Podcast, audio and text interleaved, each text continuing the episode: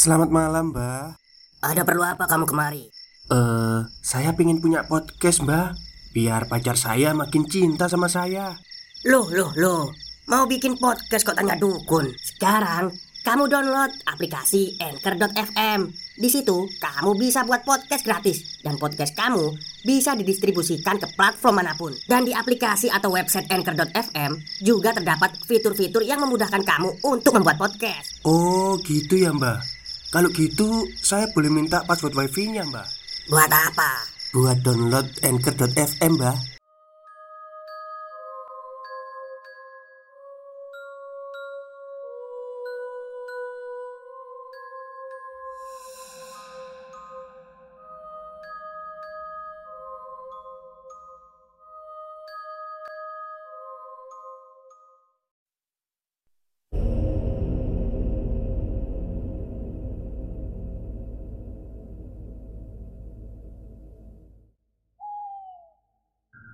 Assalamualaikum warahmatullahi wabarakatuh. Halo semuanya Jumpa lagi dengan saya Chow Sing Sing Kurator dari Podcast Horror Night Story. Halo Apa kabar semuanya? Semoga kalian semua sehat-sehat ya. Dan seperti biasanya pada malam hari ini saya kembali dan akan menghadirkan sebuah kisah mistis untuk kalian semua. Kisah mistis kali ini saya datangkan dari tweet Twitternya penulis malam 94 Dan di tweet Twitter ini menceritakan Seorang anak yang pernah diasuh oleh sebuah uh, sesosok ya, sesosok pocong seperti apa kisahnya? Mari kita simak. Lastri mengingat kembali kejadian ketika ia duduk di sekolah dasar. Ia memiliki teman wanita yang menurutnya sangat aneh saat itu. Ia tidak mengerti, seharusnya anak berkebutuhan khusus perlu bersekolah di SLB, tetapi tidak bagi Ratih Ratih anak yang selalu terlihat murung dan tidak bisa berbicara dengan jelas, dan selalu menjadi anak rundungan di sekolahnya.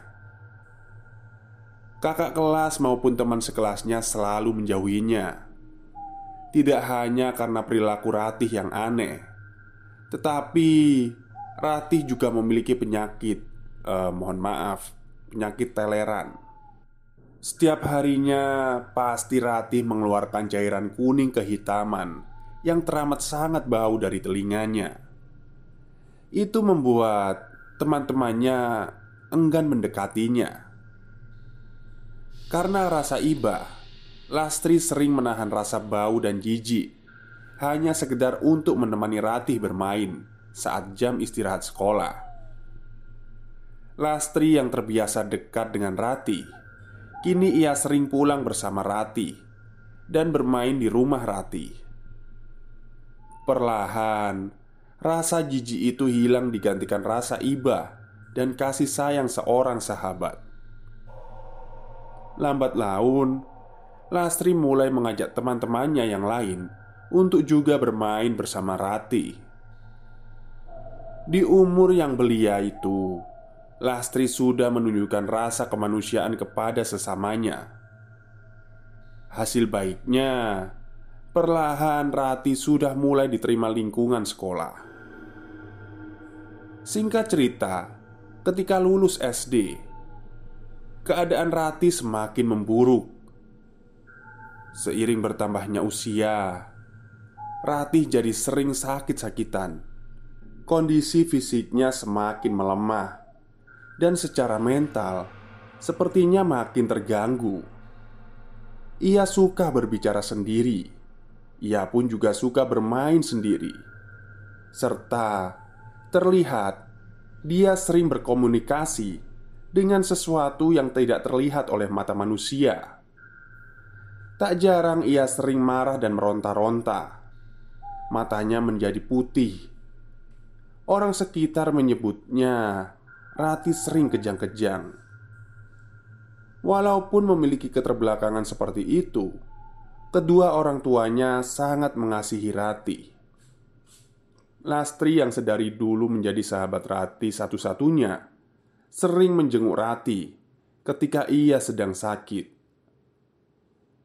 Kepedulian itu masih ada di diri Lastri. Bagaimanapun, ia merasa Ratih adalah orang yang perlu dikasihani dan perlu perhatian lebih, dan bukan untuk dijauhi. Bagaimanapun keadaan fisiknya, dia tetaplah manusia. Lastri sempat mendengar kabar burung dari para tetangganya jika Ratih adalah anak yang diasuh oleh pocong. Sempat kabar tak sedap itu pun ia tanyakan kepada ibunya. Ia merasa tidak terima. Jika sahabatnya itu diceritakan yang tidak-tidak oleh orang lain. Lantas ibunya pun bercerita. Kala itu Rati yang baru saja beberapa hari lahir Ditemukan oleh ibunya Seperti diajak bermain oleh sesosok pocong. Pocong itu terlihat jelas dan agak lama menemani bayi Rati.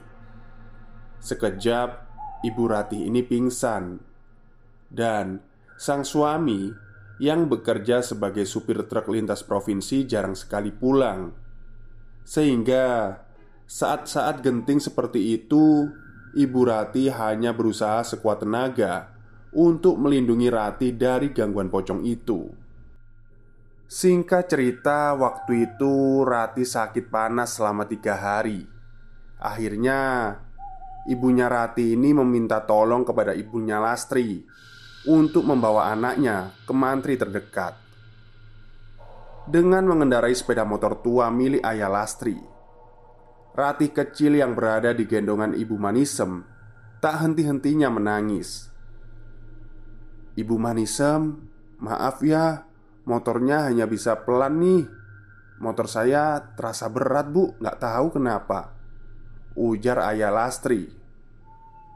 Nggak apa-apa pak, saya berterima kasih banget. Malam-malam gini masih merepotkan minta diantar ke mantri. Aduh nggak apa-apa bu. Namanya kita bertetangga harus saling membantu. Timpal ayah Lastri. Sesampainya di mantri Sang mantri pun segera memberi obat penurun panas.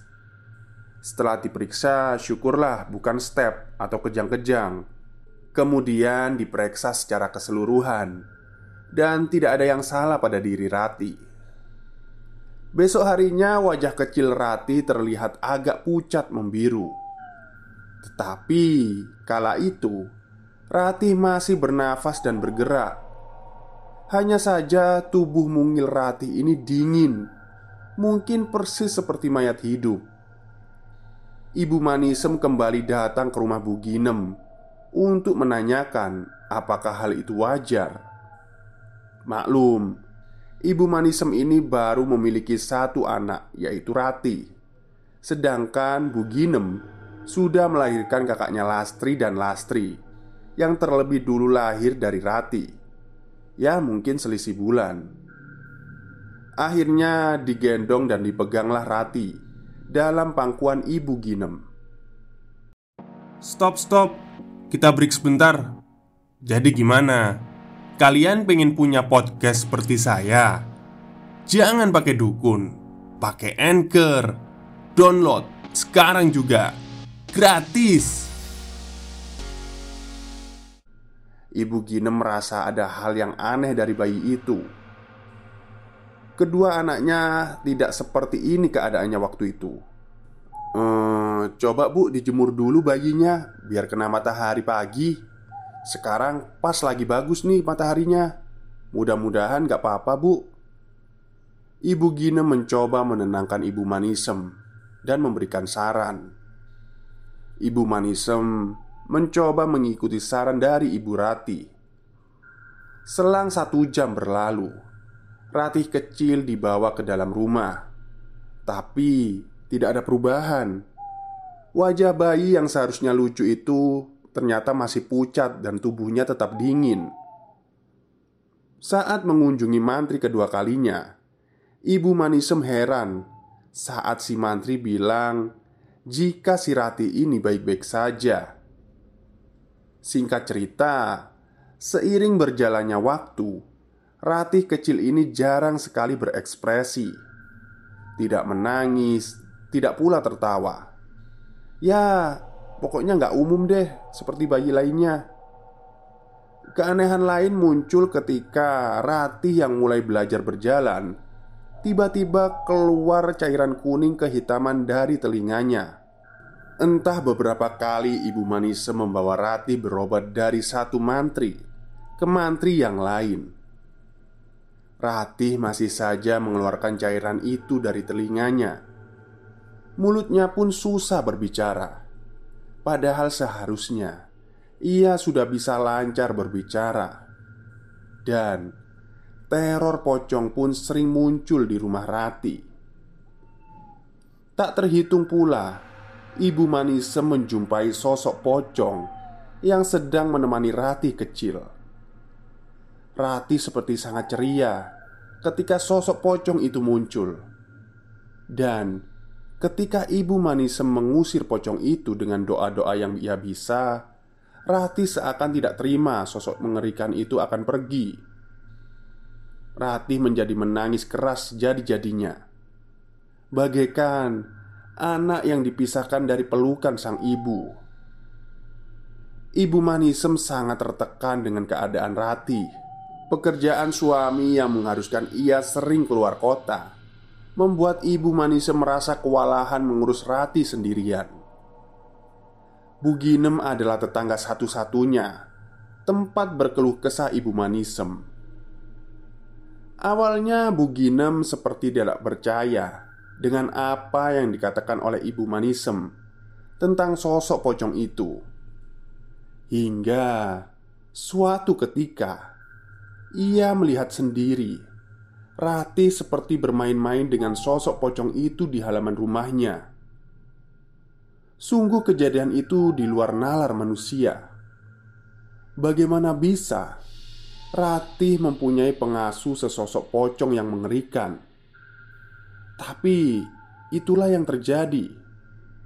Karena sejatinya Kita hidup di alam ini berdampingan dengan makhluk yang lain Cerita ibunya Lastri ini membuat Lastri kaget Ia tidak percaya bahwa ibunya sengaja merahasiakan cerita Rati agar anaknya tetap menemaninya bermain. Tapi memang betul, Lastri tetap menemani Rati bermain seperti biasa. Hingga suatu ketika, waktu itu sudah menjelang sore. Rati tidak mau diajak pulang oleh Lastri. Lastri yang sore itu mau mengikuti sekolah ngaji rutin di kampungnya pamit pulang duluan kepada Rati. Rati, nanti kamu pulang sendiri ya. Kalau kamu sekarang gak mau pulang bareng aku. Lastri berlalu meninggalkan Rati yang sedang duduk sendirian Di atas ayunan SD-nya dahulu. Waktu berlalu pukul 9 malam.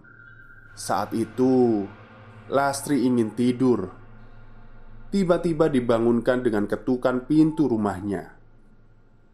Dek Lastri, Dek Lastri. Hah Suaranya seperti Ibu Manisem Gumam Rati dalam hati. Dan Ya Bu Manisem Ada apa ya Bu? Tanya Lastri. Anu Kok Rati belum pulang ya? Tanya Ibu Manisem khawatir Lastri kemudian menjelaskan Jika terakhir kali ia berpisah dengan Rati di halaman sekolah dasar. Rati saat itu masih asyik bermain ayunan. Lastri sudah mengajak Rati pulang, tapi Ratinya nggak mau. Ungkap Lastri. Karena panik, Ibu Manisem pamit untuk menjemput Rati ke sekolah SD. Lastri yang merasa bersalah akhirnya mengikuti Ibu Manisem saat sampai di bangunan sekolah dasar itu, alangkah terkejutnya mereka berdua. Ratih masih terduduk diam menatap ke bawah. Di sebelahnya ada sebuah ayunan yang bergoyang-goyang sendiri, seperti ada yang memainkan. Suara besi ayunan itu berdesir Dan Lastri yang tak kuasa melihat pemandangan menyeramkan itu Langsung tergeletak sendiri Sontak kejadian itu semakin menjadi buah bibir warga Rati dan Ibu Manisem seperti enggan keluar dari rumahnya Ibu Ginem dan Lastri mencoba membujuk mereka agar kembali beraktivitas seperti biasa. Di akhir cerita, Rati meninggal di umur 17 tahun. Saat itu Lastri sudah pindah ke kota untuk melanjutkan sekolah SMA. Sampai saat ini, Lastri selalu mengingat almarhum sahabatnya Rati. Ia menyesal karena tidak ada di sisi Rati saat Rati menjelang ajalnya. Semoga tenang, sahabatku. Bahagiamu bukan di dunia ini, bahagiamu ada di surga nanti. Rasa sakitmu sudah tidak ada lagi, dan tak ada lagi yang menakutimu. Tidak ada lagi yang merundungmu, sahabat. Tenanglah di surga. Doaku selalu menyertaimu. Amin. Baik, itulah akhir cerita dari tweet Twitter malam ini. Ya, memang ceritanya agak belibet ya. Saya juga lupa tadi mau saya edit, tapi nggak sempet. Jadi ya improvisasi. Tapi semoga kalian suka dan jangan lupa like dan subscribe channel saya ya. Oke, mungkin itu saja yang bisa saya sampaikan pada malam hari ini. Saya sangat mohon maaf sebesar-besarnya kepada kalian semua. Wassalamualaikum warahmatullahi wabarakatuh.